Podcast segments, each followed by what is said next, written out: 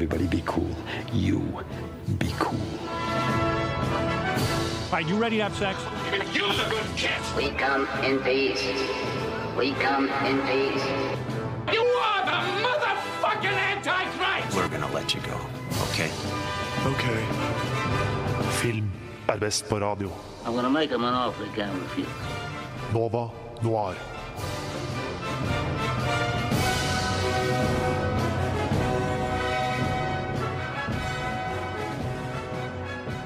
Hallo, hallo, og god torsdag! Nå er det på tide med ditt eh, favorittprogram på torsdager, nemlig Nova Noir. Det er en eh, ordentlig kald eh, høstdag, det kjente jeg på vei hit. eh, Men det var litt lettere for dere andre som tok bussen hit, kanskje. Jeg sitter her med to nykommere, faktisk. Astrid, du har vært med på en sending tidligere. Yes, jeg er ikke Og, helt ny. nei, og så har vi Karl Aksel, som har sin debut i dag på, på radioen. Absolutt. absolutt. Ja, hva, hva føler dere? Stas! Ja, Yay! Spent, redd, kjempe, Ja, hva- ja. kjemperedd. spesielt. Ja. Er du redd? Nei jeg bare tuller. Jeg er ikke det. Herregud, jeg biter ikke. Alltid. Men uh, eh, ikke Jeg skal la være i dag.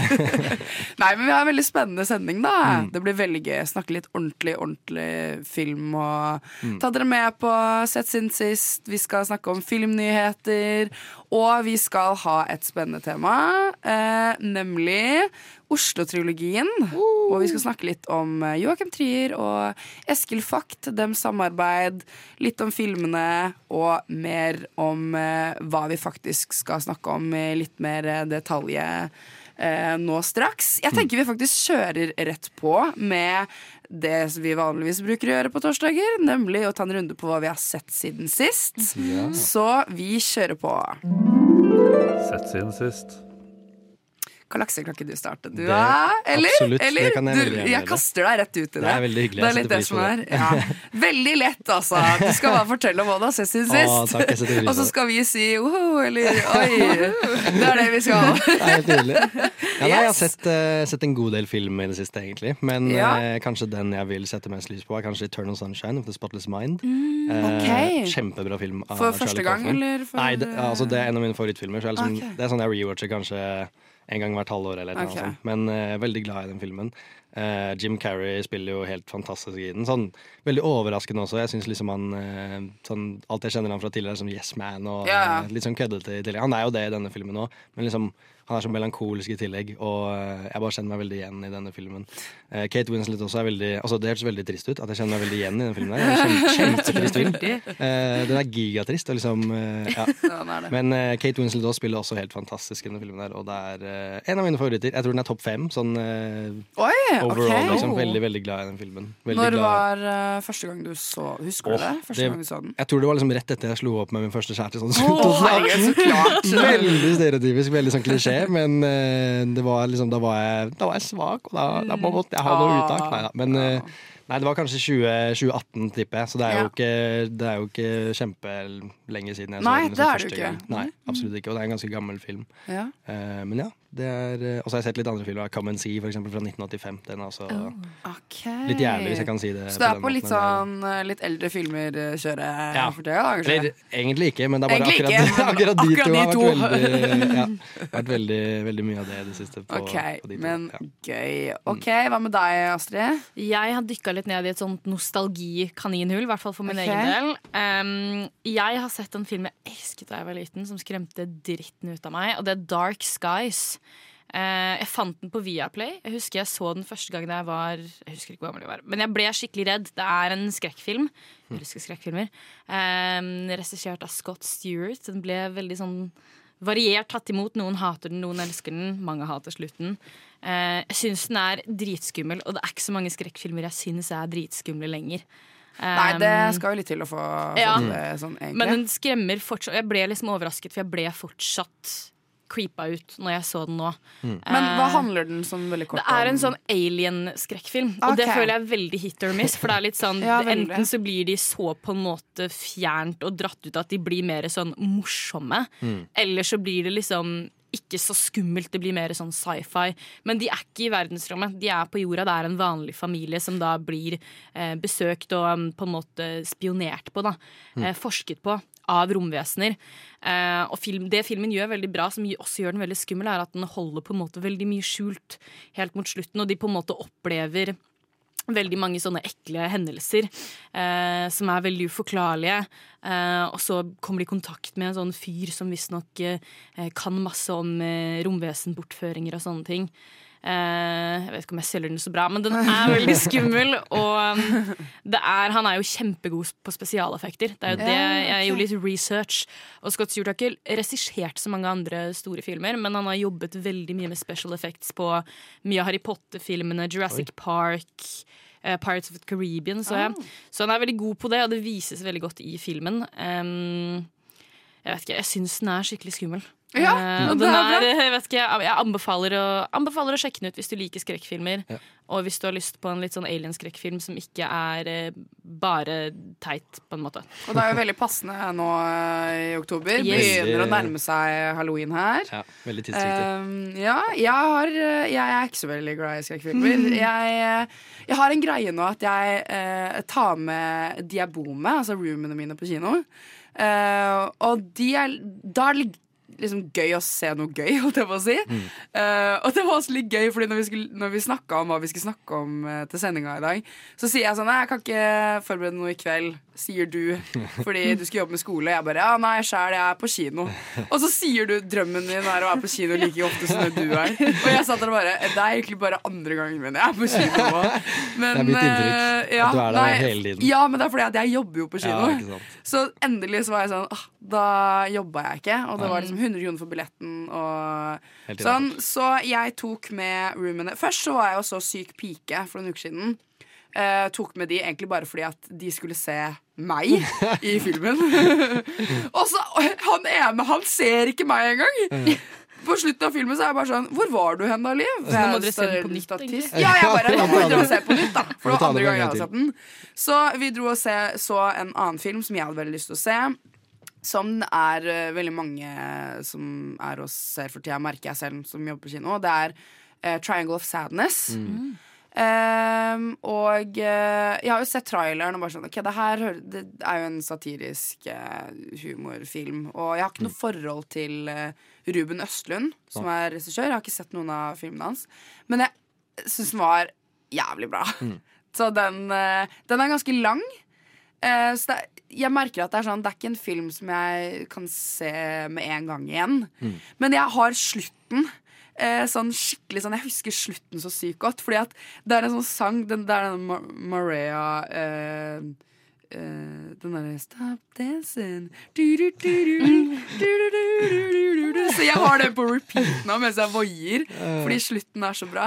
Men det som er så gøy, er at når jeg sitter med roomene mine som ikke har noe filmkunnskap, eller noen ting, så sitter jo jeg og analyserer hele filmen. sant?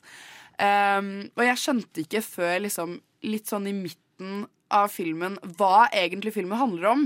Så jeg syns det var veldig kult. Så hvis jeg skal forklare hva den handler om, så er det liksom uh, perspektivet på penger, og at hier, hier, hierarkiet Yes. yes! Snus! For det er eh, noen milliardærer som er på en luksusyacht, og så handler det om liksom eh, De som jobber der, og liksom hva forskjellen på de er.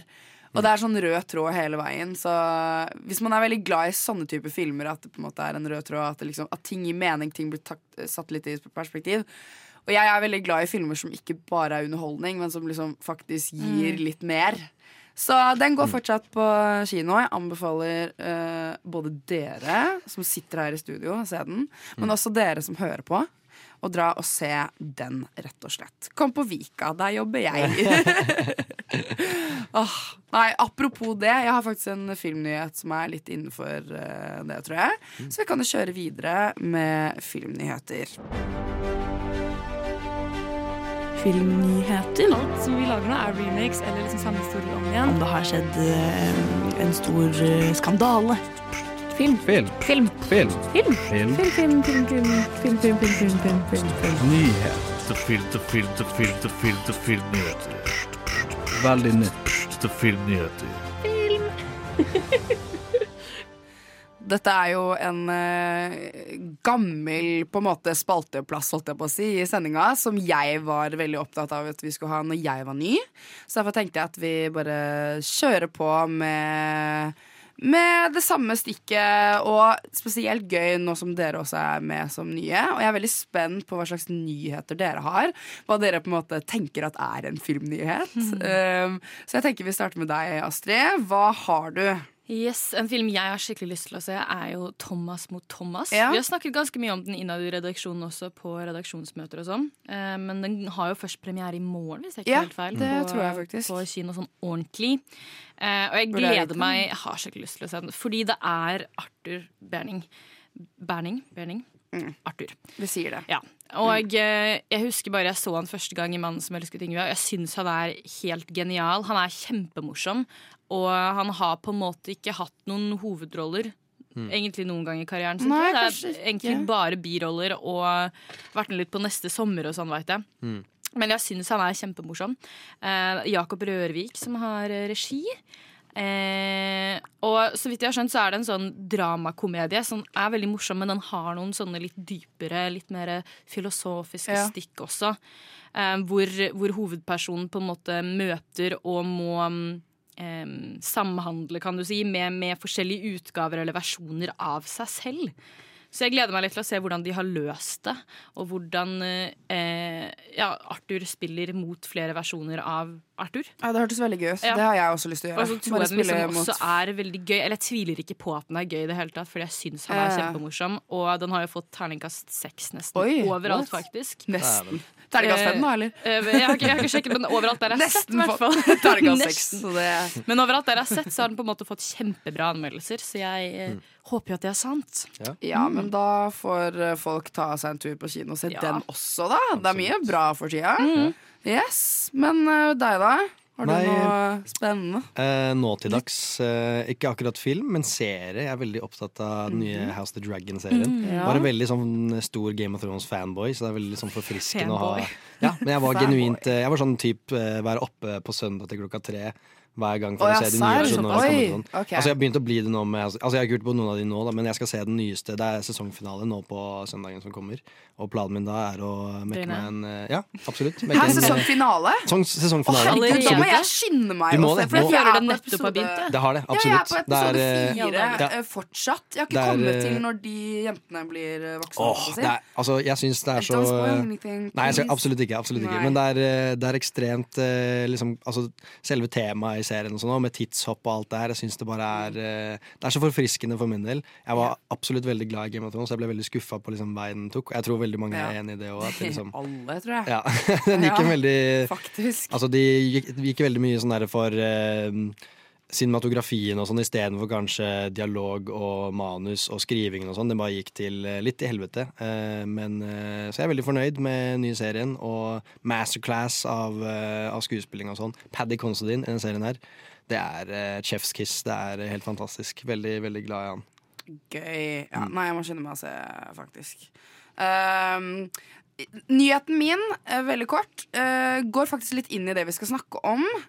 fordi ehm, det er at uh, Kjersti Paulsen, som har jobbet uh, mye med både Trier og Fakt, uh, som casting Hun er nominert for castingpris for De uskyldige. Som Joakim og eh, Eskil har laget sammen. Som vi ikke skal snakke om i dag, men jeg bare tenkte at det kanskje var litt gøy å nevne. For de som har vært og sett De uskyldige, Den kom vel ut i fjor, var det vel. Så den er vel kanskje ute for streaming om ikke så veldig lenge. Uh, og jeg syns det er veldig fortjent, altså nominasjonen, da. Fordi de Har dere sett filmen, egentlig? Nei, faktisk Nei, ikke. det er jo barn som spiller, og um, apropos Joachim Trier har jeg vært innom på Når jeg gikk på HK, på film der, og prata om hvordan hele den castingprosessen var med de barna, hvordan han bruker å jobbe og sånn. Eh, og de spiller kjempebra. De var nominert for noen skuespillerpriser og litt sånn. Vant ikke de, dessverre.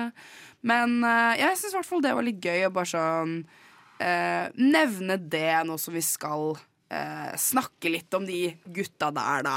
Så jeg tenker at vi faktisk bare kjører rett inn i temaet nå, eh, og starter med eh, bare Hvem er Joakim? Hvem er Eskil? Eh, hvem er de sammen? Og hva er Oslo-triologien? Du lytter til Nova Når. Dagens tema her i Nova Noir denne torsdagen er eh, nemlig ah, det, er, det er veldig deilig å kunne si at vi skal snakke om noe norsk. Ja. For jeg er veldig sånn på at eh, det må vi snakke litt mer om. Mm. vi skal snakke om ingen ringere enn Joakim Trier og Eskil Vogt, som har blitt en ganske sterk duo. spesielt etter den siste filmen 'Verdens verste menneske'. Men de starta jo ganske tidlig, faktisk. Em, og de uh, har egentlig jobbet sammen siden tidlig på 1900-tallet 1990-tallet! 1990-tallet! Så lenge. uh, og slo seg sammen med Oslo Pictures i 2018. Um, og de har uh, et selskap sammen som heter Don't Look Now Productions. Eh, hvor da dette selskapet har vært medprodusent på alle filmene de har lagd siden Oslo 31. august, som er fra 2011, som vi skal snakke litt om eh, eh, veldig straks. Vi skal altså gå igjennom alle de tre filmene i Oslo-trilogien. Starte med reprise til eh, Oslo 31. august, og til slutt, som nevnt, verdens verste menneske. Og jeg lurer litt på hva slags forhold er det dere har til eh, både eh, Trier og Vogt, men også bare generelt Oslo-trilogien? Eh, ja, så jeg, faktisk Mitt første møte med, med Trier generelt var den, den videoen hvor han er i Criterion Collection og bare blar gjennom filmene sine. Oi. Jeg vet ikke har sett den videoen på YouTube. Nei. Den er veldig entertaining. Han, har jo mye, altså han er jo en veldig god eh, filmstudent. Altså han har jo veldig mye kunnskap til Ja. veldig mye gammelt innen film. Da. Det er veldig interessant å se han liksom bare tenke og artikulere det han, det han tenker på med film. Uh, men så så jeg også Oslo 31. august for en god stund tilbake. Uh, så jeg husket egentlig ikke så veldig mye av den, så det var veldig interessant å liksom Ja. ta opp den igjen nå, så jeg repriser på nytt igjen nå. Syns jeg var veldig, veldig spennende. da um, Og så har jeg også sett noen intervjuer som både Joakim Trier og Eskil Vogt har uh, tatt sammen. Og uh, det er jo veldig spennende dette forholdet de har. Det er liksom, Eskil Vogt har aldri vært så veldig inne i film før han Altså det var en interesse han hadde, men uh, det var liksom ikke noe han søkte etter innen utdanning, f.eks., som, som Joakim Trier har gjort.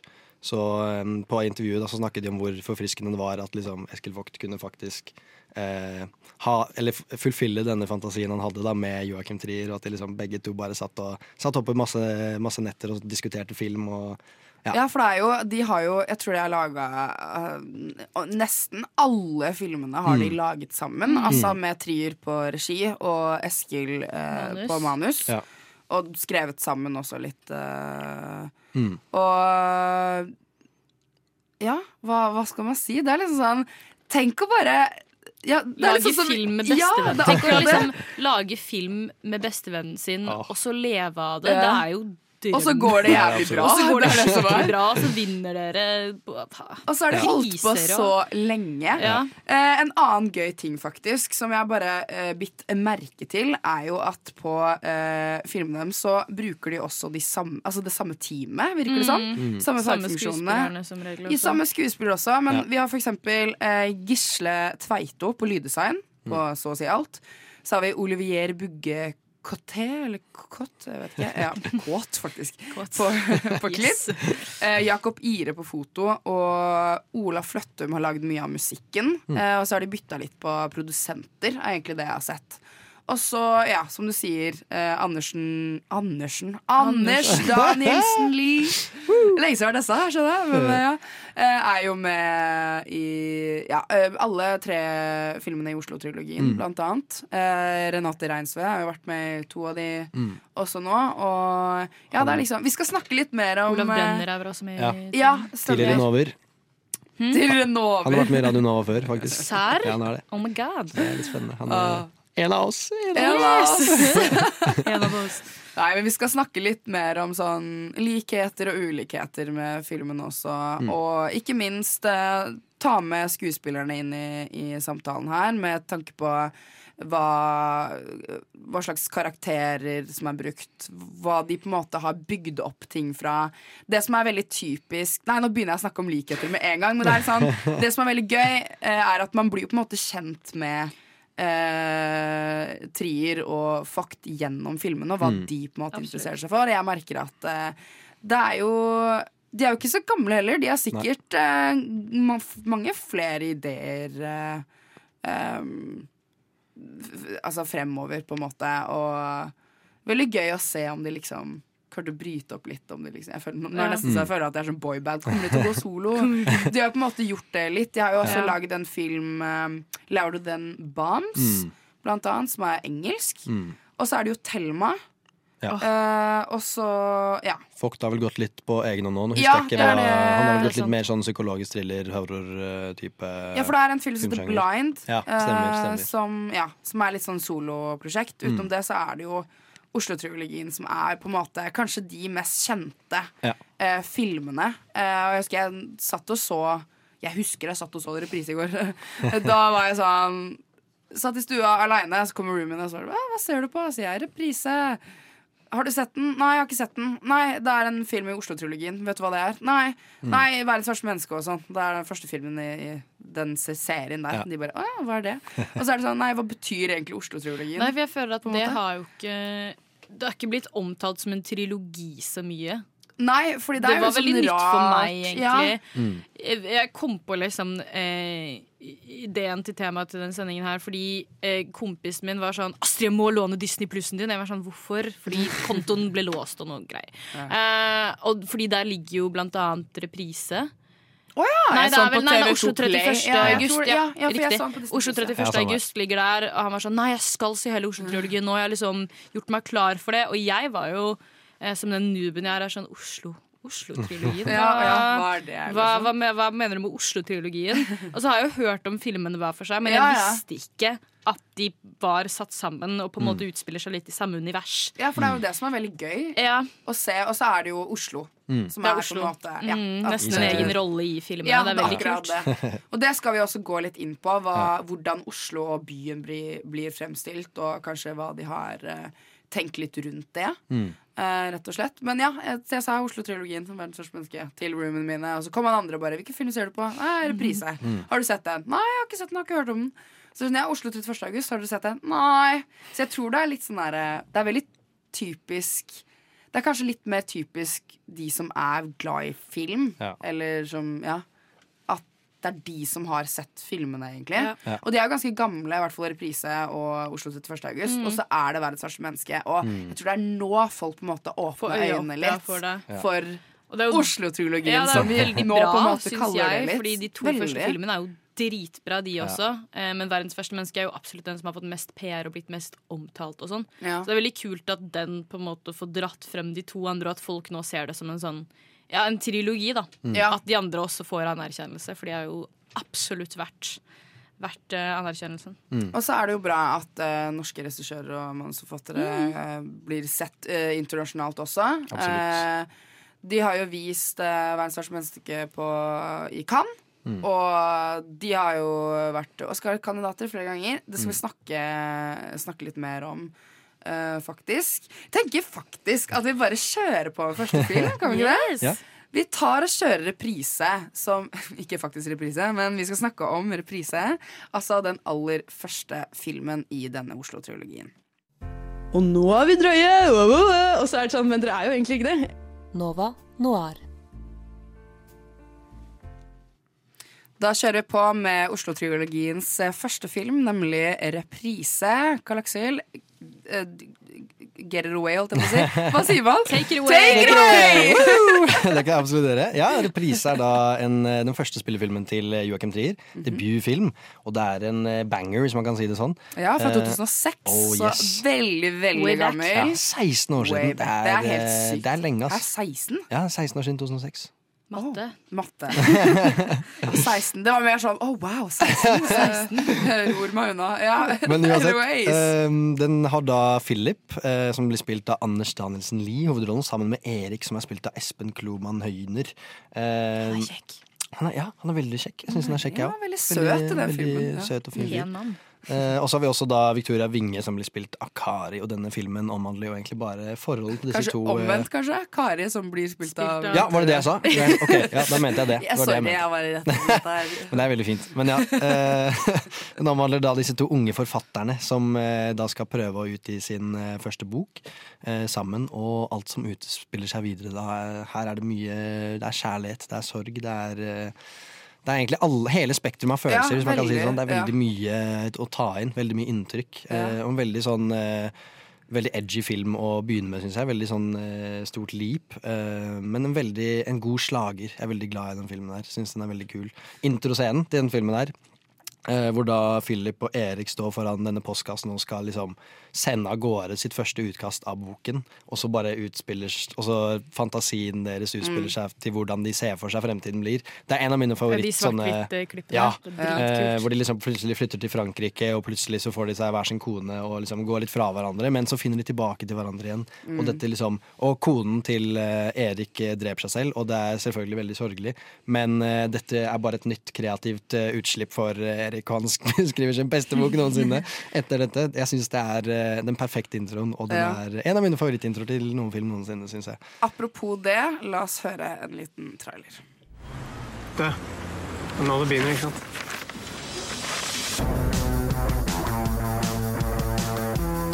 Antatt. Det er jo helt rått.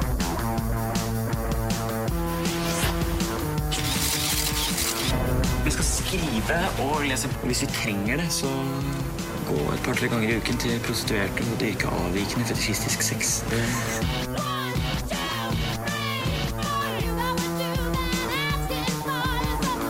Her hører man jo hva slags eh, stil det er, og man hører at det er fra 2006, Ja. som er veldig gøy. Um, jeg hadde jo ikke sett den filmen her før, så den for første gang i går. Mm. Så jeg har egentlig sett disse filmene uh, omvendt. Så jeg har sett den første til slutt. Mm. Og det er veldig spennende Ja. å se, egentlig. Og det kan man jo med Oslo-triologien, Fordi Ja. de, Ja, det, det er jo ikke sånn handling som spiller på Det er hverandre. jo ikke på en måte. Nei, det er De foregår det i samme er- univers, kan man vel si, men det er litt sånn du kan fint se dem i motsatt Ja, rekkefølge også. Tematisk eh, Jeg tror det er et ord for det, når det liksom er en Ja, det var- typtikk eller Ja, et eller annet sånt. Tematisk Jeg- jeg eh, kom på det. Men, eh, men eh, jeg, er veldig, jeg, liker liksom den måten å framstille film på, på en måte. At det liksom er eh, ja, si, Det er liksom ikke noe Det er ikke noe sammenheng, egentlig. Nei, men, det er eh, røde tråder, men det ja. er litt sånn de spiller på mye av det samme, Ja. liksom. Det, jeg syns det er veldig kult. Og liksom ingen film er helt lik heller. Det er sånn, jeg kan nyte alle tre hver for seg like Mm. mye, på en måte. Uh, uten at de liksom på en måte jeg liker, du, Når du sitter og ser på det, så sammenligner du de med hverandre. også, På en måte, Ja, man gjør det. Så jeg satt og tenkte liksom på hva som er likt med det her med, med de andre filmene, som Mm. vi skal, faktisk skal ha et eget stikk om etterpå, fordi det er mye. mye Mm. likheter. Eh, men igjen, veldig gøy å se en film eh, i 2022 som er fra liksom 2006. Mm. Man ser jo hvordan de er kledd. Man ser jo byen. eh, Som den var før, Ja. og hvordan de spiller. Og Han ene roomien min bare sånn Han ser helt lik ut. Anders. Ja, han gjør Fra det. liksom Han gjør første det. til Han er Helt lik. Ja. Og jeg bare Å, faen, er det sant, det? Nei, Det er er også veldig gøy. Nei, det er akkurat det. Mm. Så det også er veldig gøy. Ja. Eh, en annen ting som også er veldig gøy, er jo at eh, filmen her fikk jo veldig gode, god kritikk, da. Den, eh, ja. eh, og var faktisk også Norges Oscar-kandidat Mm. i 2006. Eh, vant en del priser, annet tre priser under Amandaprisen i 2007. Og så to priser under Kanonprisen i 2006. Mm. Så det er jo en eh, film som eh, har eh, ja, fått eh, Fått mye god omtale, og som virker som har blitt veldig godt likt. Um, spesielt i Norge, og også internasjonalt. Eh, mer internasjonalt de andre to filmene, men Mm. igjen, dette er jo den første filmen i Oslo-trilogien. Um, Veldig sterk start, syns jeg. Det det ja, og det er jo um, Ja, veldig gøy å se på en måte Altså, jeg, jeg visste ikke at det fantes sånne filmer. Jeg er veldig dårlig på å se liksom, gamle filmer. Sånn der Uno og liksom sånn. sånn så jeg syns det, er sånn friskt, Ja. egentlig. Ja, I hvert fall for 2006 å være, ja, på en måte. det er akkurat Ja. det. Man ser jo på en måte Man ser det på kvaliteten, man ser det på hvordan de snakker, hvordan de spiller, hvordan på en måte alt er Den er veldig ikke-norsk film. Mm. Ja, det er akkurat det.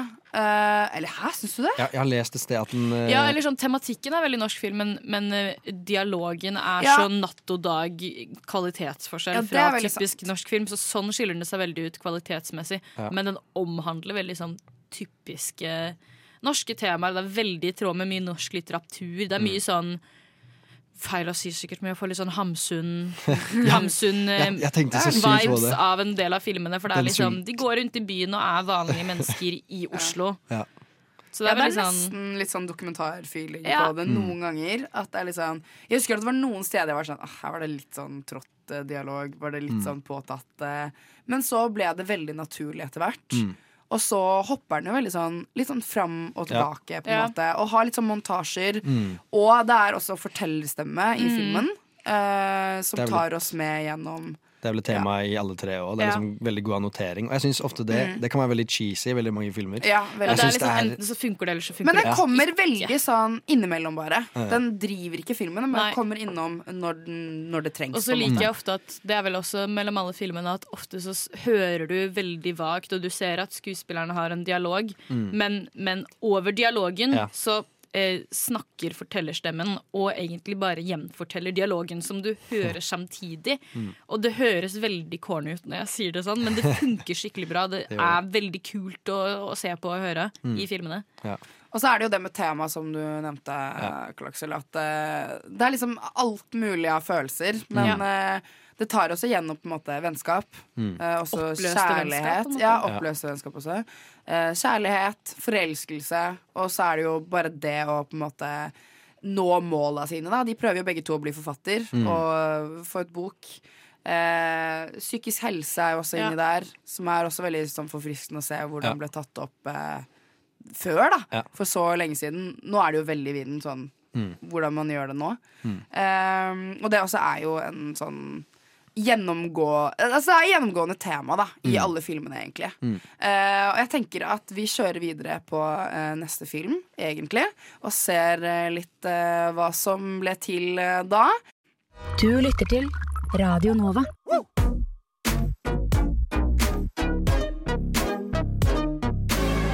Radio Nova.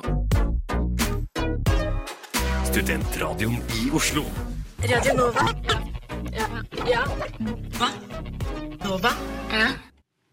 Vi eh, skal videre til eh, film nummer to i Oslo-trilogien, nemlig Oslo 31. august. Som jeg lurer på om det kanskje var flere som, eh, som tok en liten titt på nå tidligere i høst. Det gjorde i hvert fall jeg.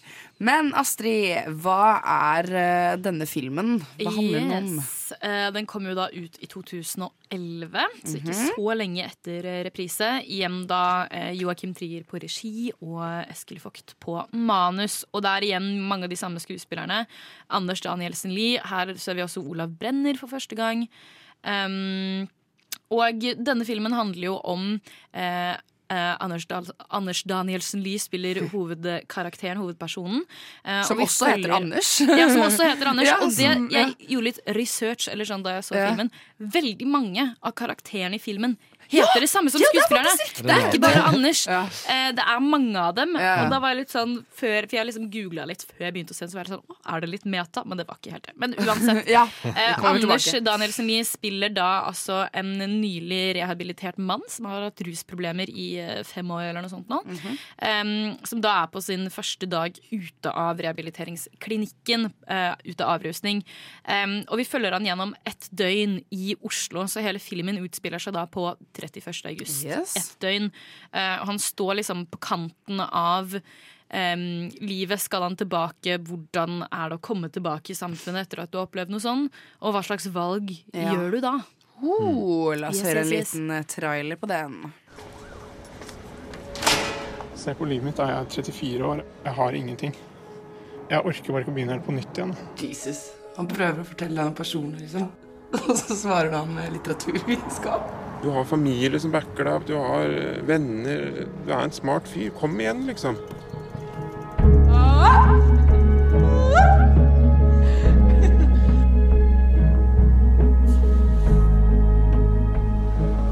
Det kommer til å bli bedre.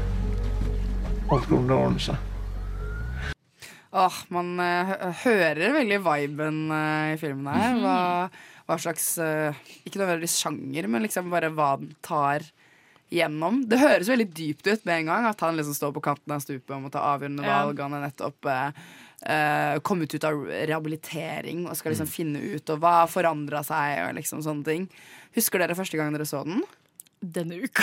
Fordi jeg så den eh, Ja, som jeg sa i stad, rett før 31. august. Det var sikkert 29. august eller noe sånt. Og bare sånn fikk den feelingen sånn derre ah, Siste, siste liksom Sommerdag i Oslo. sommerdagen i Oslo. Ja, ja. Og jeg, hadde, jeg tror jeg hadde litt andre forventninger til filmen. Jeg visste ikke Mm. at den var så dyp. Og mørk. Og mør ja, Ja. mørk, da, ikke minst. At det var liksom Å ja, det var det. Jeg trodde det var sånn koselig sånn der De sykler eh, nedover gata og Ja, det det liksom bryter seg inn på eh, Frognerbadet. Frognerbadet, er det det? ja. Og det er det jeg liksom liker med den, at den ser det er en sjukt nydelig film. Den er Ja, veldig pen, og det er jo igjen det Ja. som er rød tråd mellom filmene. At Det er liksom dette Oslo by som kulisse. Oslo by blir veldig pent framstilt.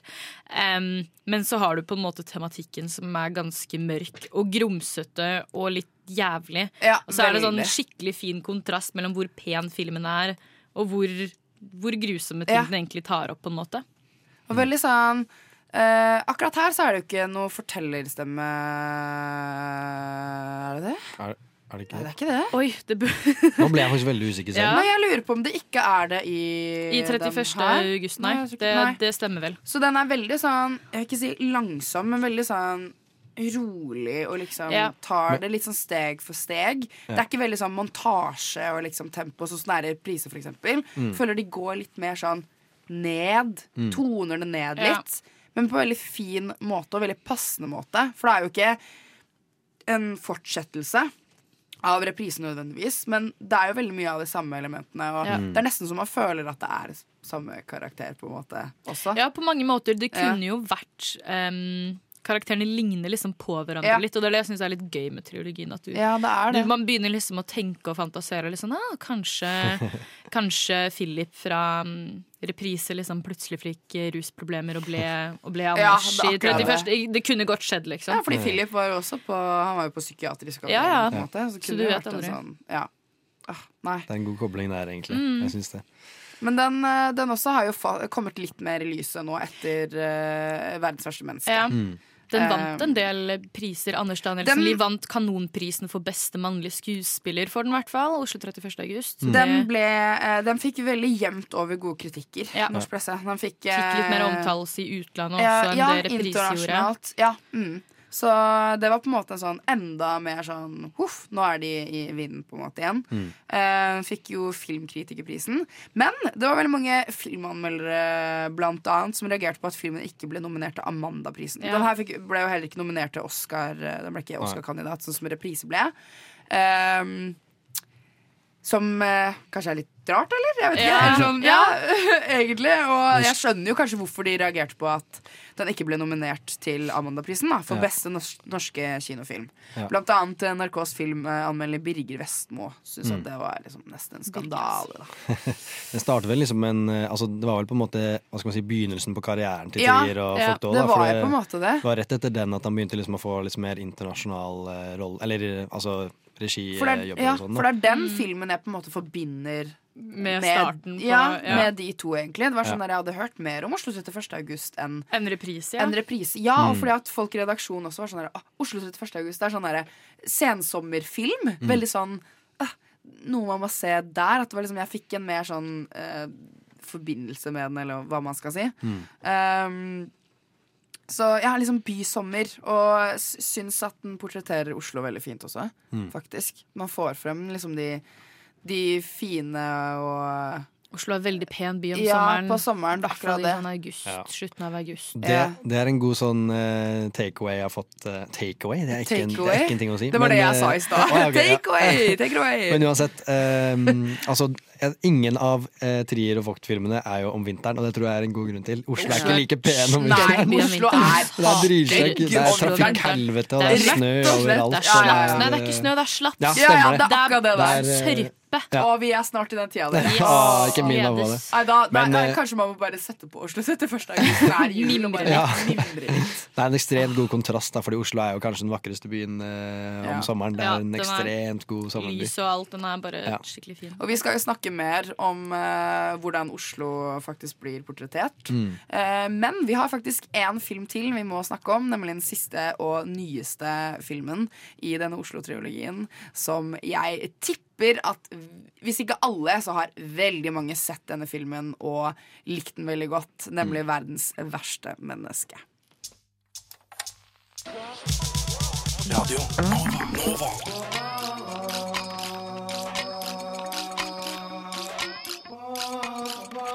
Siden 1982 har Radio Nova gitt deg favorittmusikken din før du visste at du likte den.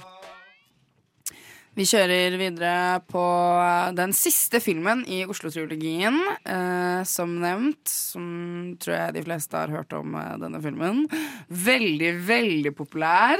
Nemlig 'Verdens verste menneske', som eh, kom ut i 2021, altså i fjor. Hadde premiere på filmfestivalen i Cannes, hvor den deltok i hovedkonkurransen. Ikke verst, ikke verst. Det er veldig gøy. Eh, hovedrollen Veldig kjent eh, nå hvem som spilte den, og vant for beste kvinnelige hovedrolle i Cannes, nemlig Renate Reinsve. Så har vi så klart også med Anders Danielsen Lie igjen, og Herbert Nordrum som biroller. Um, vi kan jo høre en liten eh, trailer, kan vi ikke det? Jeg skal opp her, jeg. Ok. OK. Ha det. Ha det. Vi var ikke utro, da.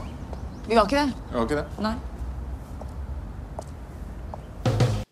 Ja, utrolig vanskelig trailer å, å få inn noe, for det er basically bare liksom, noen replikker som er veldig kjente, Mm. og så er det musikk, og så er det neste hun sier sånn derre Uh, ja, jeg kan jo si hva den handler om. da Julie er en ung kvinne som navigerer seg gjennom problemene i kjærlighetslivet og sliter med karrieren. Eh, så det ender opp med at hun må ta en nærmere titt på hvem hun egentlig er. Mm. Eh, hun er jo da sammen med Eh, Aksel, som spilles av Daniel Åh, fy fader. Anders Danielsen Lie. Lie Danielsen Andersen. Eh, og det er jo veldig kjent Hva sier man? Quote. Det med sånn Ja, jeg elsker deg, men jeg elsker deg ikke. Så det er jo en film som tar deg med på ganske mye igjen, som er veldig likt med alle de andre. Mens her er det faktisk noe nytt. da Det er jo en kvinnelig hovedrolle.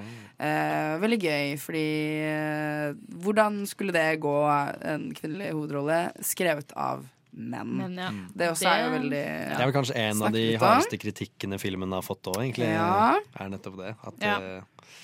Det, er en, det er en del ting de bommer litt på. eh, Ja, men det er mange ting jeg syns de treffer på også. Liksom. Ja. Jeg syns ikke den er så dølt framstilt som, som veldig mange sånne kvinnelige hovedroller som er skrevet av menn er. Det er den der Mm. typiske sånn Å, kvinnelig hovedrolle på kanten av mental breakdown, sitter i sånn oversized skjorte i truse og røyker i stua, liksom. Det er sånn, nei, men Jeg tror ingen ser sånn ut når Nei. de er lei seg. Det blir veldig gøy å snakke om det med tanke på uh, når vi skal på en måte uh, se på likhetene og ulikhetene med karakterene også. Um, så dere den her på kino? Nei. Nei? Har dere sett den? Ja. Ja. Har dere sett den? Jeg har sett filmen, men jeg så den. der spasa jeg litt ut. Jeg bare, Jeg har sett den, men jeg så den i jeg så, så hele Oslo-triologien nå denne uka Ja, her ikke på streamingtjenester. Hvor, ja, hvor så du Verdens verste menneske, da? På Viaplay. Å, ligger den ute på Viaplay? Nei, jeg kjenner noen som har kjøpt den. Så det var ganske chill for min del. Ja, for jeg også hadde jo litt lyst til å se den på nytt, for jeg så den Ja. på kino. Og det begynner å bli en stund siden. Men jeg leste nettopp filmmanuset, filmmanuset, eh, som jeg leide på Deichmansk. Eller. Deichman, eller hva man sier. Deichman. Deichman.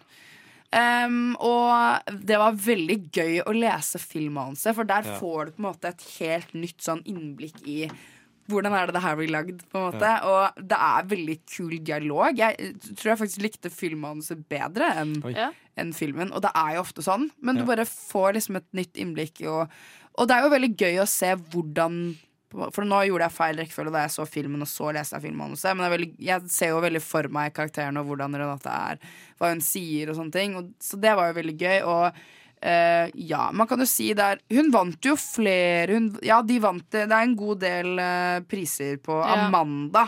Ja. Som de fikk her, da. Blant annet Uh, Det har blitt nominert til masse. masse ja, sånn. så her òg Norges Oscar-kandidat. Eh, ikke bare i én kategori, men to kategorier, faktisk. Yes. Mm.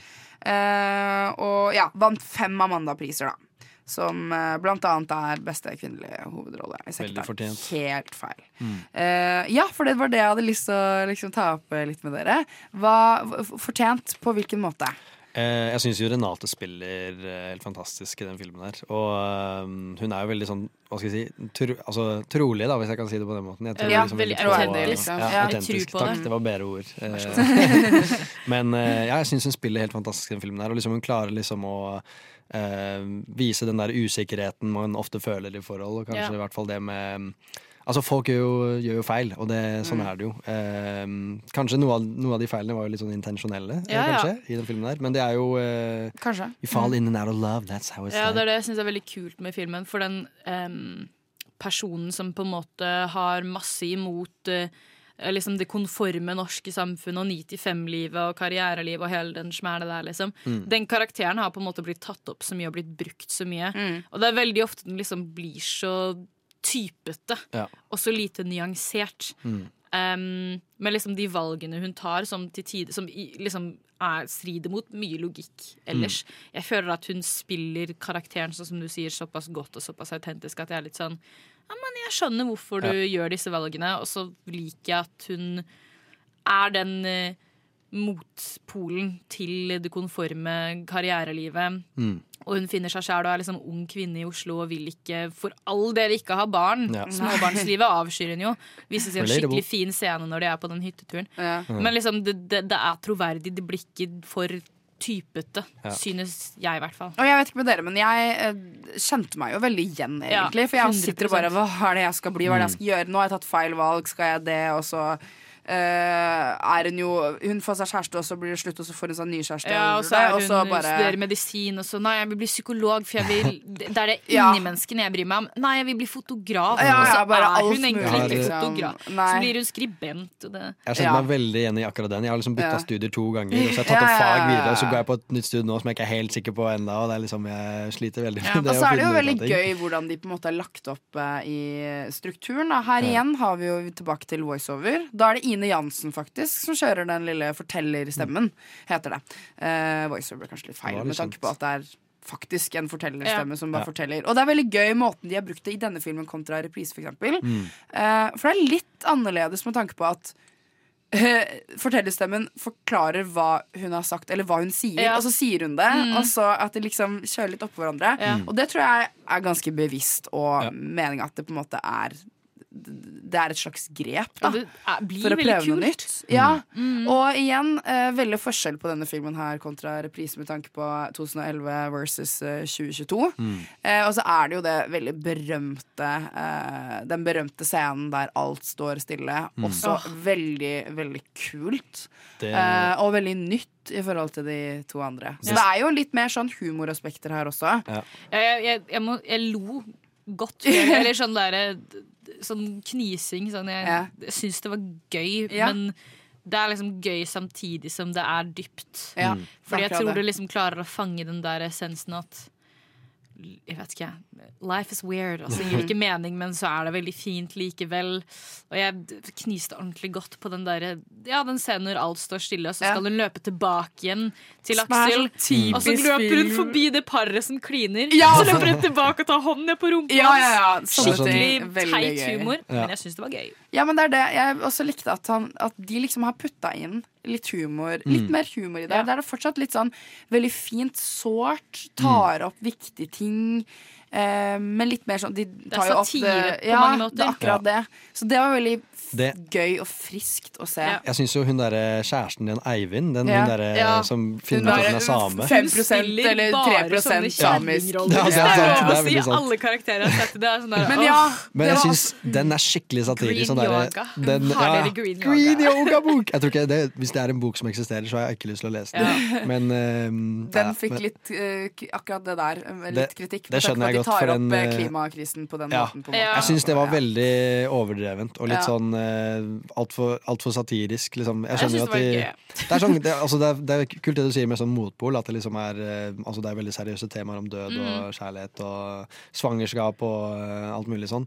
Men uh, jeg bare syns akkurat det der eh, Det er liksom det var litt for mye for min del. Jeg Litt mye det- ironi, kanskje. Ja, jeg synes det Men det, også, det, er litt, det er jo litt sånn eh, deilig å høre at uh, selv om å, Norges Oscar-kandidat har fått så mye bra kritikker, så er det likevel sånne småting man kan sitte og liksom mm. plukke litt på. på. Uh, og det tror jeg på en måte at de nesten bare må, må Ta til seg. ta til seg. Fordi at det starta jævlig bra med Mm. reprise.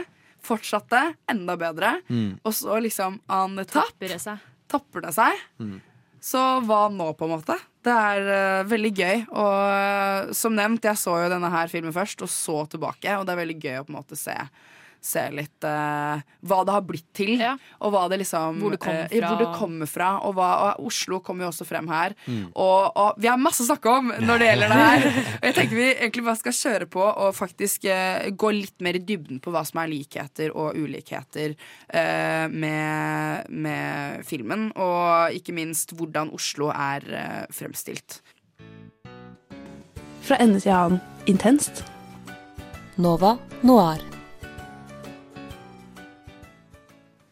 Herregud, Vi har så mye å snakke om at vi klarer ikke å bli enige om hva vi har lyst til å snakke om først. Men det er litt sånn du sa, Astrid, at vi er litt sånn Nå er vi, nå er vi så kåte på å snakke om Ja, likheter og ulikheter. selv på likheter ulikheter mellom alle Men stikkene nå. eh, hvis jeg kjenner oss selv rett, så fikk vi plutselig veldig sånn mundiare her nå. At vi kommer Ja. til å begynne å snakke litt om eh, eh, hvordan Oslo blir fremstilt også. Det kan hende at vi godt tar og drar det med inn i likheter og ulikheter.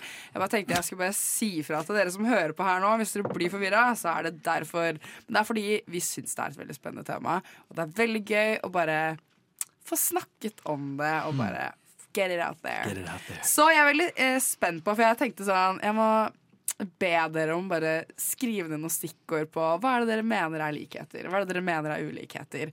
Fordi det var litt vanskelig, Ja. syns jeg. Eh, og det er mye lettere å komme med likheter på eh, reprise og Oslo 71. august Mm. og det største menneske, som alle er i Oslo-triologien. Og eh, hva er ulikhetene? Jeg bare tenker sånn, Vi kjører på med sånn hva, hva er det vi på en måte ser i alle filmene, på en måte? En sånn rød tråd er jo litteratur. Det snakker Ja, vi om vel, gjennom jeg alle filmene. Absolutt. Tydeligst i reprise, men det er jo liksom alt dette med alle karakterene Du er snakker om veldig sånn green yoga. i- Ja, ja, men alle, kar- alle karakterene er veldig sånn typisk kulturelite, unge voksne i Oslo. Ja. Og de er veldig glad i å lese, de liker kunst, og Mm. de det, det er mye litteratur i filmene. Og det som er gøy, er jo at 'Verdens første menneske' også på en måte er inndelt i, som en roman. Ja, i er liksom- kapitler Ja, med prolog og pro, prolog og epilog. Det er også veldig gøy. Ja. Så, og så er det jo det at eh, miljøene fra film til film er liksom eh, ja, At foreldrene jobber i Gyllendal, for eksempel, eller står Ja. på scenen på Nationaltheatret. Det er også veldig sånn Mm. Alt blir referert til bøker, da. Ja, Og sånn. Så det, det er jeg helt, eh, helt enig i. Mm. Um, hva tenker du? Uh, jeg syns jo i hvert fall det med altså, Det er jo en tematisk triologi, så det er jo veldig mye av de samme temaene som går igjen.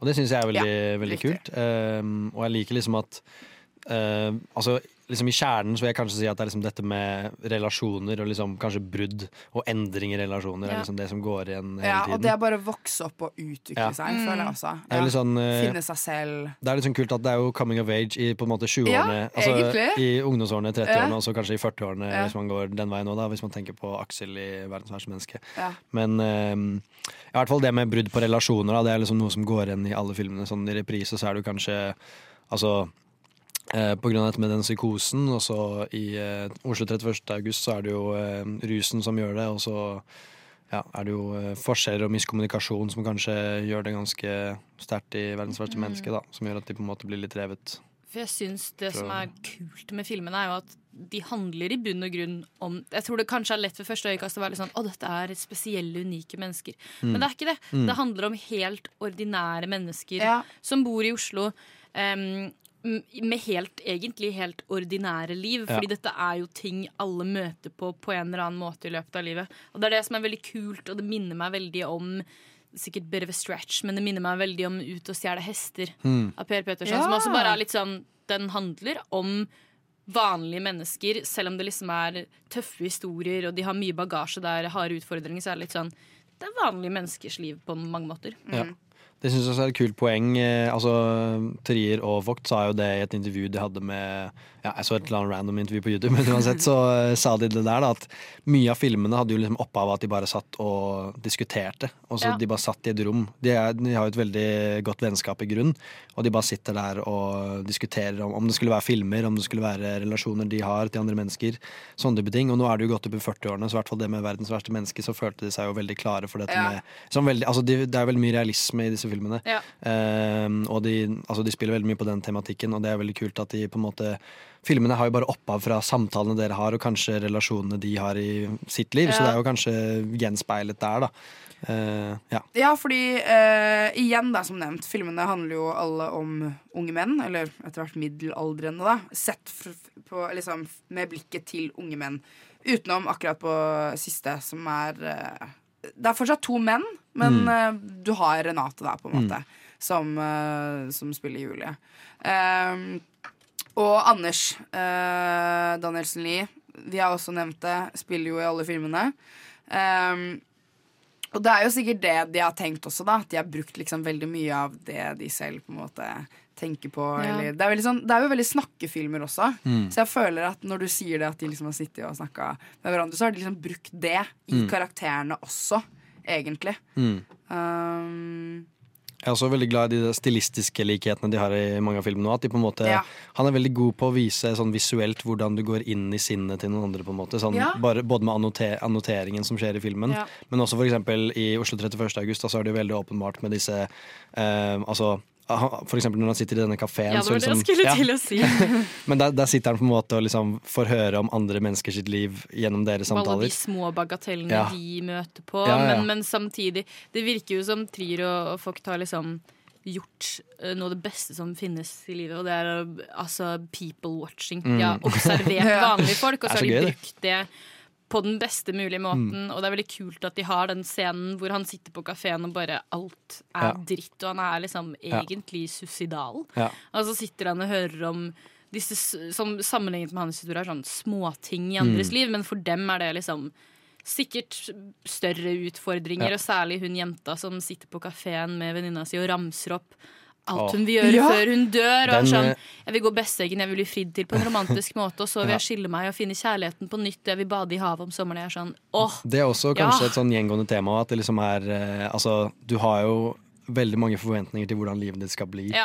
Men det er jo veldig mye som ikke blir sånn. I hvert fall med Oslo 31. august. At liksom, det er så mye av de andre folkene som er rundt han hvor livet bare suser forbi, og han er på en måte i det samme Ja. stedet som han har vært Ja. de siste fem årene. på en måte Men apropos det også, at de liksom bruker det som virker som veldig naturlige diskusjoner. Det er nesten som man bare har satt de i rommet og bare Snakk om akkurat det du vil. og så blir det den, eh, veldig naturlig. Ja, særlig særlig de dialogene mellom um, um, ja, Anders Danielsen Lie og Olav Brenner på starten av 31. Ja. august, når Mm. de går rundt i Oslo og sitter i parken Mm. og diskuterer alt og alt og ingenting, og det er skikkelig fint, og de snakker om livet hans, og det er Der syns jeg det er litt sånn Litt sånn spennende dynamikk, fordi det er veldig gode dialoger, og så liksom kommer han med dette at har egentlig lyst til å drepe meg selv. Liksom.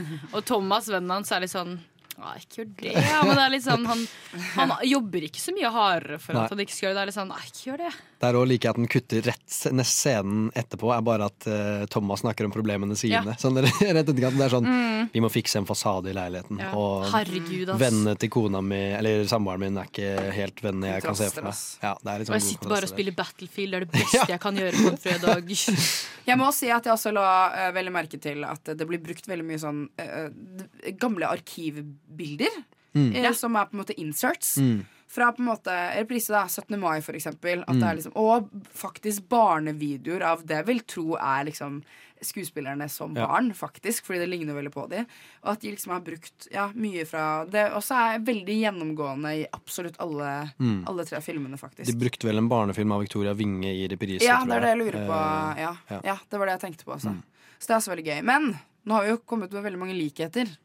Kommer dere på noe som er liksom ulikt, utenom det åpenbart, uh, som vi, åpenbare? Det som vi mest om? markante er vel at i reprise så er det ikke én hovedperson. Vi Mm. følger liksom flere karakterer. Ja. Eller jo, det er jo en som er tydeligere enn de andre. Ja. Men jeg føler at det er Der føler følger mange- bytte på litt på ja, både litt sånn, Erik og ja, I et Philip, kvarter så er det liksom kjempefokus på Philip, og så plutselig Ja. er det kjempefokus på Erik, Ja. og så switcher det litt. Ja, men det er sant. Og Jeg syns det er veldig kult. Ass. Ja, er- ofte syns jeg sånt kan bli Det høres liksom rotete ut og slitsomt ut at det ikke er én person du følger, men det funker skikkelig bra. Mm.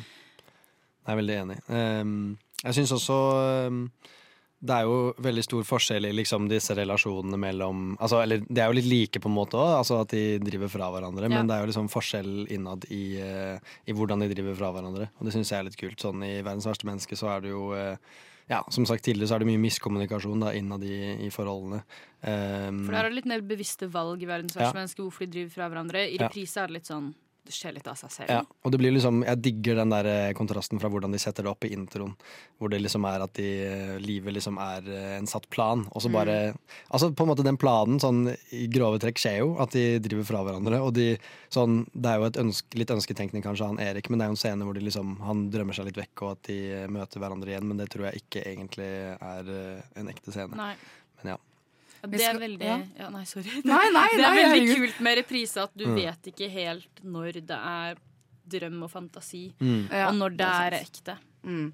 Ja, det også jeg la jeg merke til i går. Mm. Og det også er litt sånn ulikt fra de andre Jeg kan jo si Stilistisk så er jo kanskje reprise en litt mer sånn rotete film. Jeg tror det er litt Ja. meningen òg. Ja, litt mer sånn, ja, Litt sånn intercuts, og Ja. det er mye sånn dialog som Mm. Altså mye blanding mellom kutt og hopp fram og tilbake i tid. Eh, altså den er litt mer sånn rotete, og, men jeg liker liksom at din, altså både 'Verdens verste menneske' og eh, 'Oslo 31. august' er mye mer sammensatt. Og jeg tror det, det er jo debutfilmen til uh, Joachim Trier, så det er jo lov å Rote litt. ja, det må være lov. Men jeg syns det, det, det på en måte tilføyer litt uh, Altså hvordan filmen er. da. Jeg syns det, det er litt Mm. fint. Ja.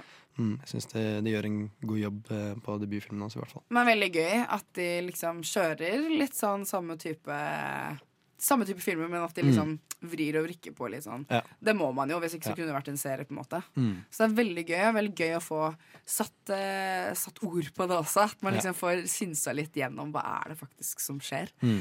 Uh, vi skal snakke litt om hvordan byen blir fremstilt, siden vi kaller dette Oslo-triologien. Uh, så det skal vi kjøre på med nå. Yeah. Litt. Er hvem er det som hører på nå? Nei, jeg orker ikke! Jeg trodde det skulle komme jingle. Ja, vi er Ingen jingle der, vi. Men Så sier jeg Hva er det som hører på nå? Det er klart du hører på! Ja, Nå hva ja, nå ja. er. Ja, vi sitter her, vi. Åh. På en torsdag. Det er så fint. Snakker om Oslo-trilogien. Ja, deilig tema.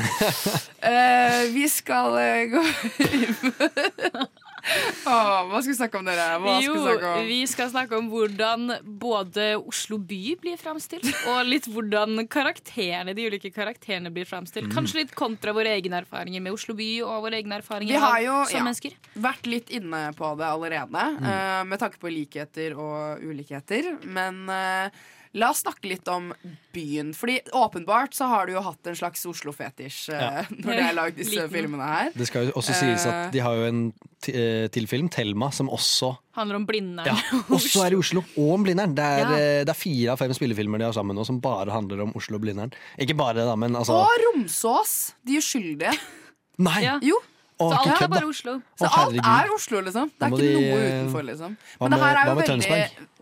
Hva med Tønsberg? Ja. Hva med Moss? Nei, det Hva med Gol? Verdens navle. Nei, men også veldig eh, sentrum, da. Vi er jo innom Bygdøy, blant annet. Ganske Ja. tidlig i filmen uh, reprise. Oh. Kan bare si hvor Eh, glad jeg er i den eh. Jeg er så glad i den scenen til å begynne med, når de, når de står der og han liksom ser for seg at han kaster ut vennen sin. med. Men så er ting Altså, ja, forholdet deres er forandret. Hun er ikke den samme. Ja, men det er veldig kult eh, klipp, faktisk. Jeg er enig. Um, uh, ja, nå, jeg er litt sånn ute på hvor, uh, hvor de bor og sånn, men Ja. det virker jo som det er ganske i sentrum. Ja, litt mer vest sentrum. Det, er en scene i hvert fall i reprise hvor en eller annen fyr står og ser på ham og sånn ah, det er bare noen tullinger fra vestkanten. Altså. Ja. Så jeg tror de bor litt sånn typ rundt Majorstuen, Ja, kanskje. Her vi det. sitter, muligens. ja. Reprise skildrer jo litt at uh, Philip er jo fra vestkanten, og at eh, Kari er fra østkanten. Og at det liksom Ja. er en rar relasjon der. Og de liksom er ofte på sånne grungy punk-barer og sånne type ting. Så elsker vi hverandre for det. Ja, Det er veldig sånn, gøy. De klarer å gå imot alle forventninger. En østkant og vestkant. Men det er også Kan- veldig gøy i reprise når det bandet, kommune, de spiller Ja. sånn skikkelig sånn derre Ja. Hva er det han sier for noe? Fingerpult! Ja, ja, ja, I Gerhardsen. ræva di!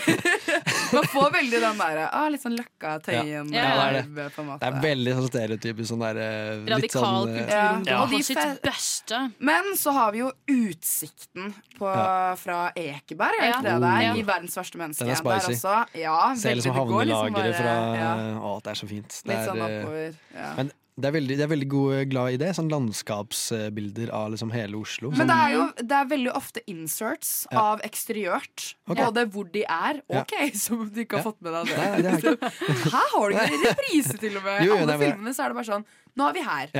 Litt sånn dokumentaraktig, litt sånn der bloggerne sånn der, du, du, Ja, Det er veldig gøy å se filmene når du bor i Oslo. Ja, fordi det er liksom, å, jeg vet hvor alle disse stedene Ja, nå er de i er. Slottsparken, og nå er de på Bygdøy. Nå er, Ja. nå er Jeg de sitter der. på den og- benken. Og så er er det sånn sånn typisk nordmenn når ting fokuserer på Norge eller sånn små Ja, ja, ja. steder Norge. Så er det sånn, jeg vet faktisk hvor det Og så er det bare et sånn random bygg. Og så er det sånn For mange så er det bare sånn et helt random bygg, men for noen så er det sånn Herregud, det er jo Ja, bygg der! Det er- Og det er så en sykt Oslo! liksom, rundkjøringa på Bislett. Jeg er sånn, Ja, ja, ja. Det er, faktisk Ja, en stor, der er jeg eh, det er faktisk en veldig stor sannsynlighet for at Brad Pitt har sett på en benk jeg har sittet på her i Oslo. Så det, er- ja, ja, kan godt wow, jeg kan ikke tro det. Ja, men så akkurat det er jo også uh, uh, ja, veldig gjennomgående i Mhm. alle Mm. filmene. Bare sånn hvordan det blir fremstilt. At det er inserts av eksteriør, og Mm. at man liksom man går gjennom Oslo I hvert fall 30, uh, Oslo 31. Ja. august. Da er du gjennom Ja. på en måte Oslo med, Ja. på sykkel. Det er vel i liksom. Cubaparken, blant annet. Ja.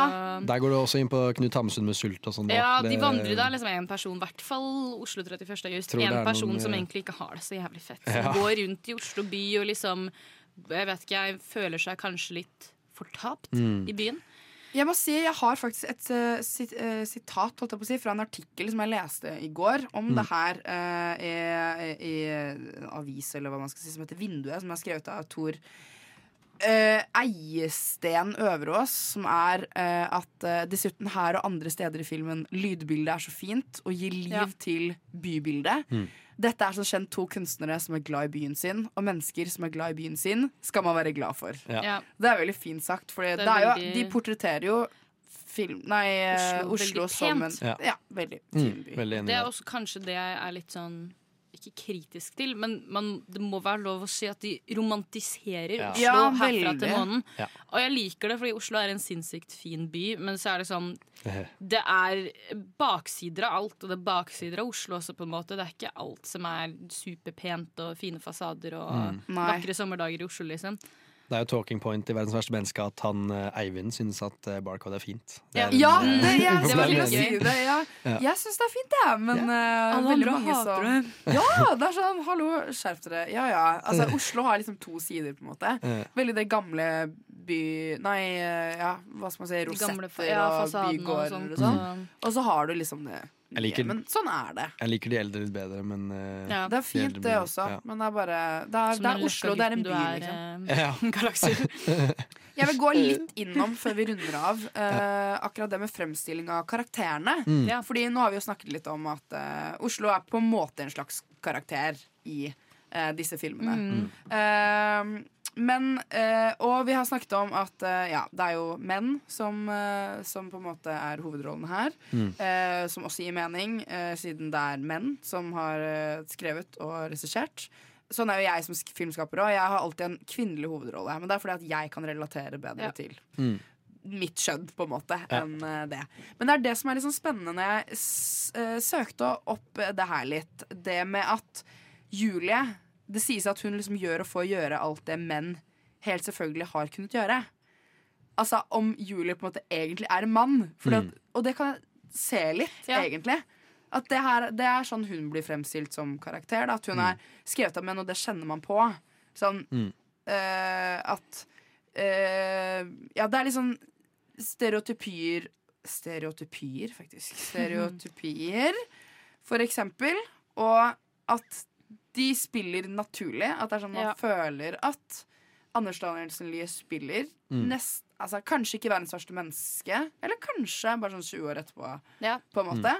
Eh, Ja, vil du kommentere noe på det? Ja, eller jeg, jeg synes jo eh, altså, Julie eller Renate Reinsve i, eh, i 'Verdens verste menneske' blir jo liksom framstilt som at hun liksom Hun har jo ingen jentevenner i filmen. Det er jo liksom veldig sånn Hun er helt alene sånn She's the cool.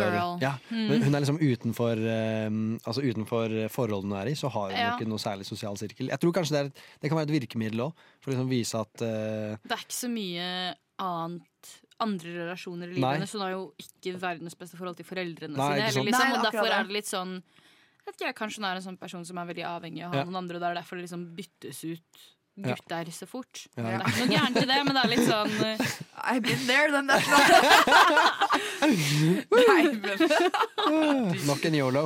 Yes. Ja, det Men- Men det er litt deilig også da at, man, at vi er jenter også kan liksom, ja. Ja. kjenne seg litt igjen i det. Og så kan gutta kanskje kjenne seg litt i de motsetningene som Ja. Aksel og um, Eivind er da i 'Verdens verste menneske'. Mm. Mm. Og det du snakket om at karakterene liksom, De er jo stereotypiske folk, men jeg syns fortsatt at de spilles veldig nyanserte. De er komplekse folk. Og selv om de ikke alltid går så sykt inn på hele bakhistorien til hver karakter, og, så tror jeg på at de er ikke så overfladiske mennesker. Og det er også litt sånn, igjen, litt stikk til eh, Hamsun og sånn, fordi da Hamsun først ble famous forfatter for å ta sånn historielesen, så kritiserte han jo Ibsen for eksempel kjempemye, for han var jo sånn Ibsen, du skriver bare om stereotypiske, typete mennesker. Det er ingen som er sånn egentlig.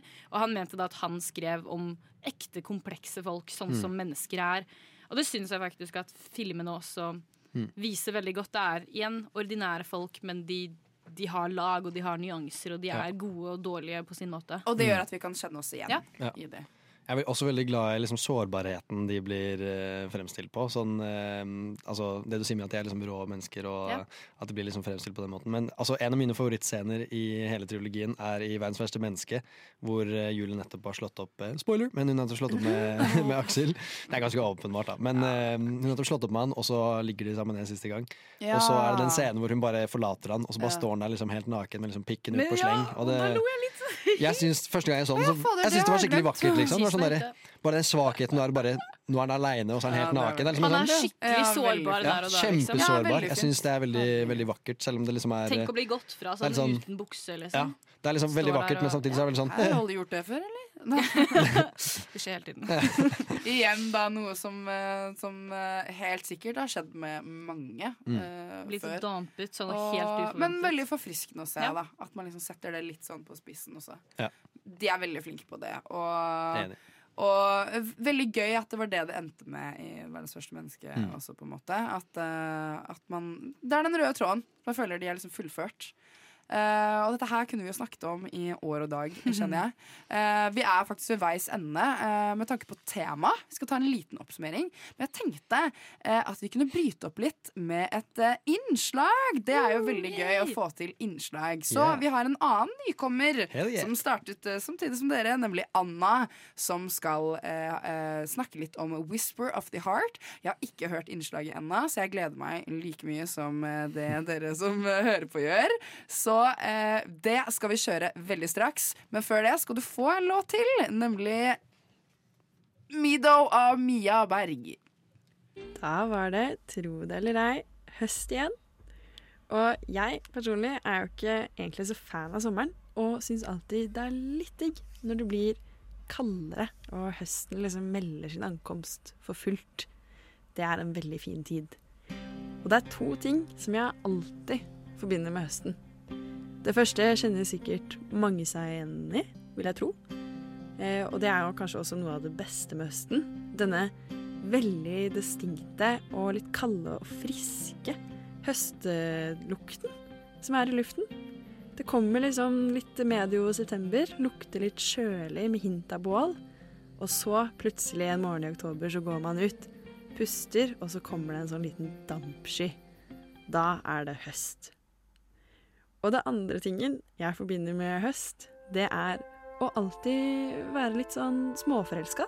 Jeg vet ikke om det er noe folk kjenner seg igjen i, men ikke nødvendigvis at man er forelska i en spesiell person, men bare denne følelsen av en slags nære høstforelskelse, på en måte. Jeg vet ikke om, om høstyr er et konsept, men eh, hvis ikke så burde det definitivt bli det. At jeg forbinder nettopp disse tingene med høst, det tror jeg jeg kan skylde på en helt spesiell film som jeg alltid ser om høsten. Og det er 'Whisper of the Heart'.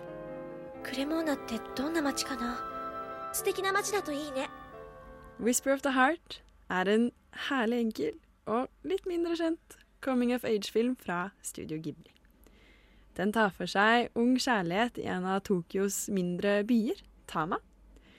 Og det er også den første og dessverre siste filmen regissert av Hayao Miyazakis protesjé, eh, Yoshifumi Kondo. Han eh, var egentlig planlagt at å skulle ta over skuta etter Miyazaki, men han gikk dessverre bort eh, allerede i 1998.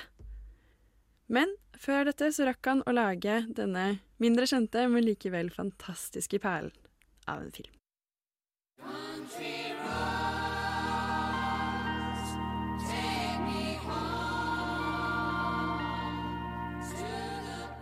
I Whisper of the Heart så følger vi 14 år gamle Shizuku. Hun er en stjerneelev på skolen og fyller fritiden sin med bøker. Men en dag så merker hun at alle bøkene hun låner på biblioteket, er lånt tidligere av en viss Seiji. Vi følger Shizuku sin hverdag fra slutten av sommerferien og utover høsten og skoleåret, mens hun balanserer en ganske rigid skolehverdag i Japan, og familie, og til slutt finner ut av hvem denne mystiske Seiji er. Oppi alt dette så finner Shizuku ut at hun har lyst til å skrive en bok. Og dette gjør hun etter at hun finner en baron, litt utenom det vanlige, som inspirerer henne. Whisper of the Heart er full av vakker hverdagsanimasjon som får deg til å vaske klær, gå med posten, lage lunsj eller gå med søpla til å virke poetisk.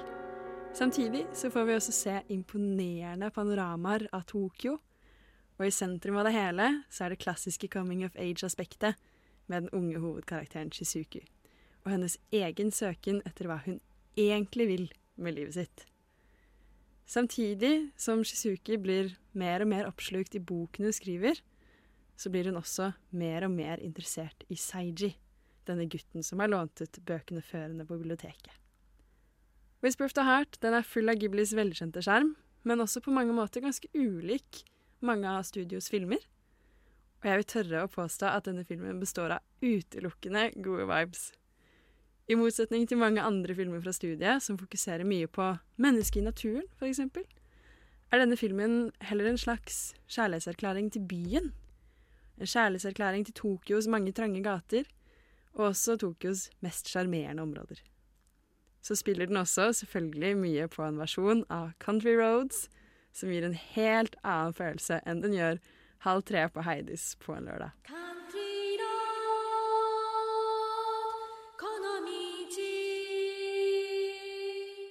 Sist, men ikke minst, så har selvfølgelig Whisper of the Heart en avslutningsscene som skildrer denne helt perfekte, distinkte høstmorgenen, hvor Tokyo er dekket av høstens første litt kalde morgendis. Og denne scenen er også akkompagnert med en så fin skildring av ung kjærlighet at selv de kaldeste hjerter smelter nok litt. Jeg vil si at dette er en must see-film, eh, enten du liker Ghibli eller ikke, og den passer perfekt i høsten også. Og man kan også se den på Netflix, som med de fleste Ghibli-filmer.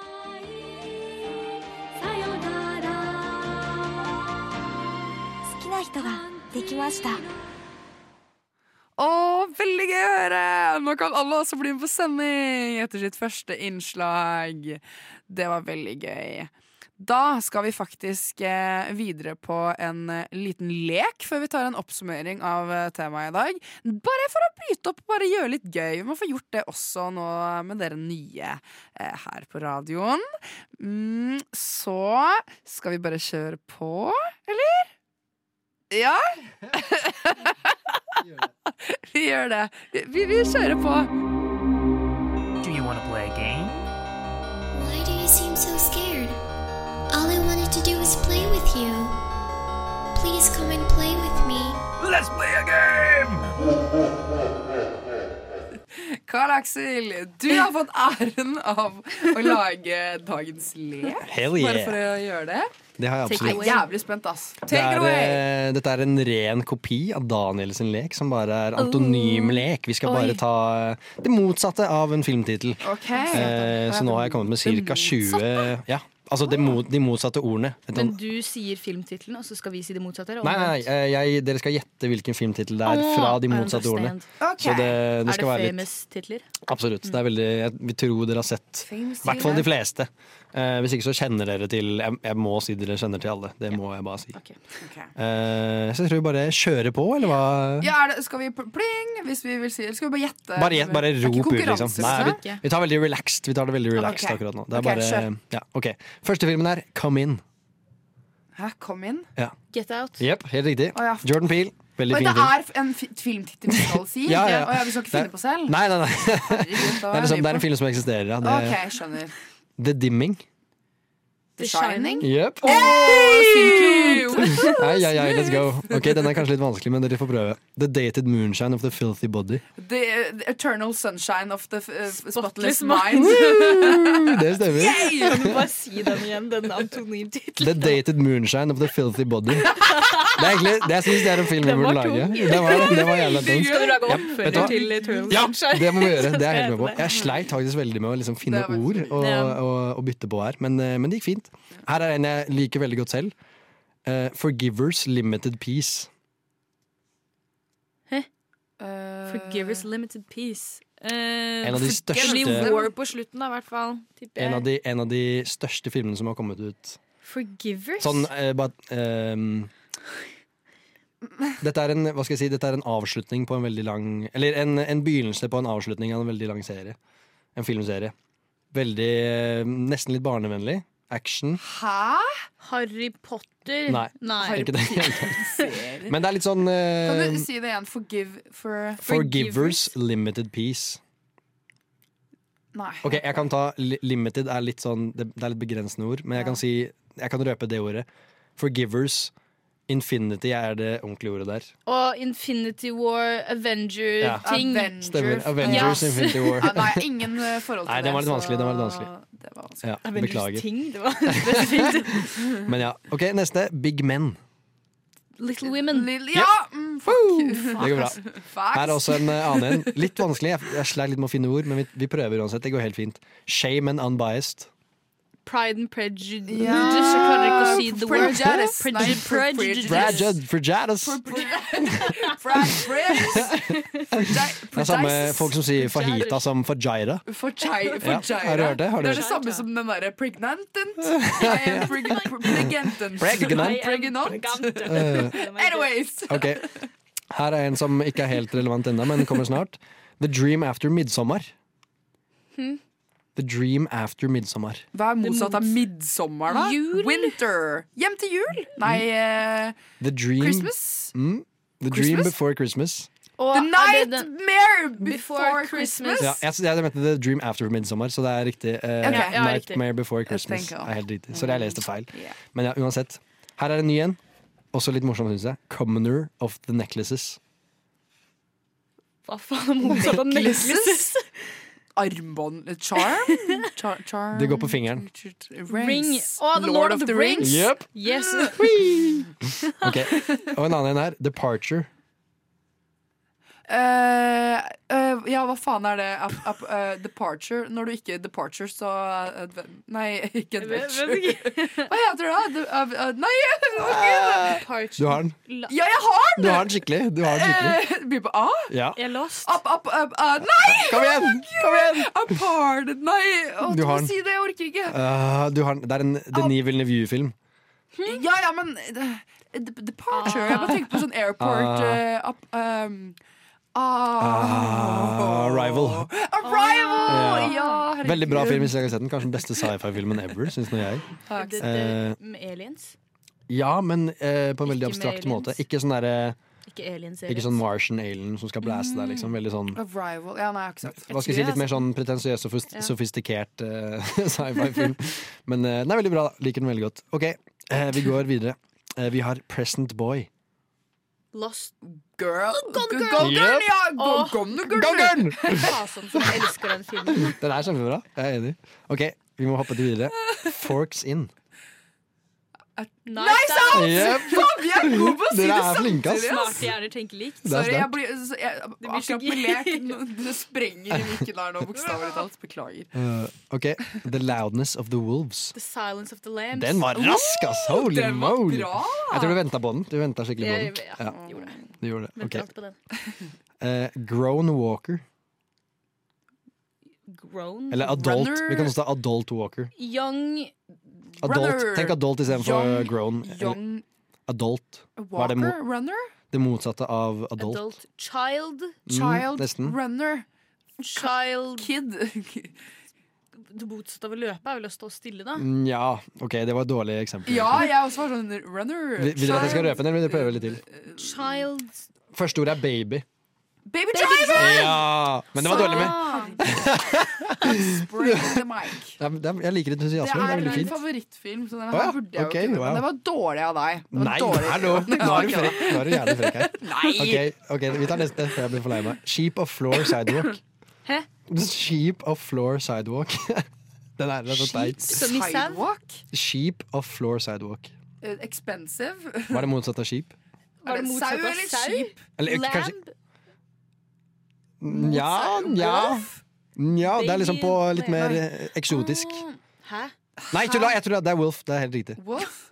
Også Off-floor sidewalk. Wolf of Wall Street? Ja. Oh, ja, lol. Floor. Og så er Ok, også en Skal vi ta siste? Ja, vi kan ta siste. Manbird. Ladybird? Nei, lady Nei, hæ? Den er, den er skikkelig teit. Lady. Lady, den her er skikkelig teit. lady Hva faen Det er er litt motsatt av vanskelig fugl, med motsatt av substantiver. Ja, ok, det er Hva er det sant. motsatt av? en? Lady Det, det motsatte av manbird er birdman. Sorry. Oh, Den var kjempeteit. Unnskyld. Jeg skulle gitt litt mer slingringsmonn der. Jeg beklager. Hvem vant? Ja, du vant. Eller det var ikke konkurranse. nei, jeg tok ikke poeng, egentlig. Det var everything veldig is a gøy, da. Ja, det er helt sant. Ah, gøy! Woo! Bra, Karl Aksel. Bra debut på leken der, altså. Ah, nei, det betyr jo egentlig at vi er eh, straks ved veis ende. Ja, det er trist. Eh, vi måtte bryte opp litt eh, midt på her. Dumt. Men Mm. vi skal ta en liten oppsummering på hva temaet har vært, og si ha det for i dag. Men Mm. før det skal du få en liten sang til, nemlig Daisy av Goofy Geese. Lyssna istället till Radio Nova.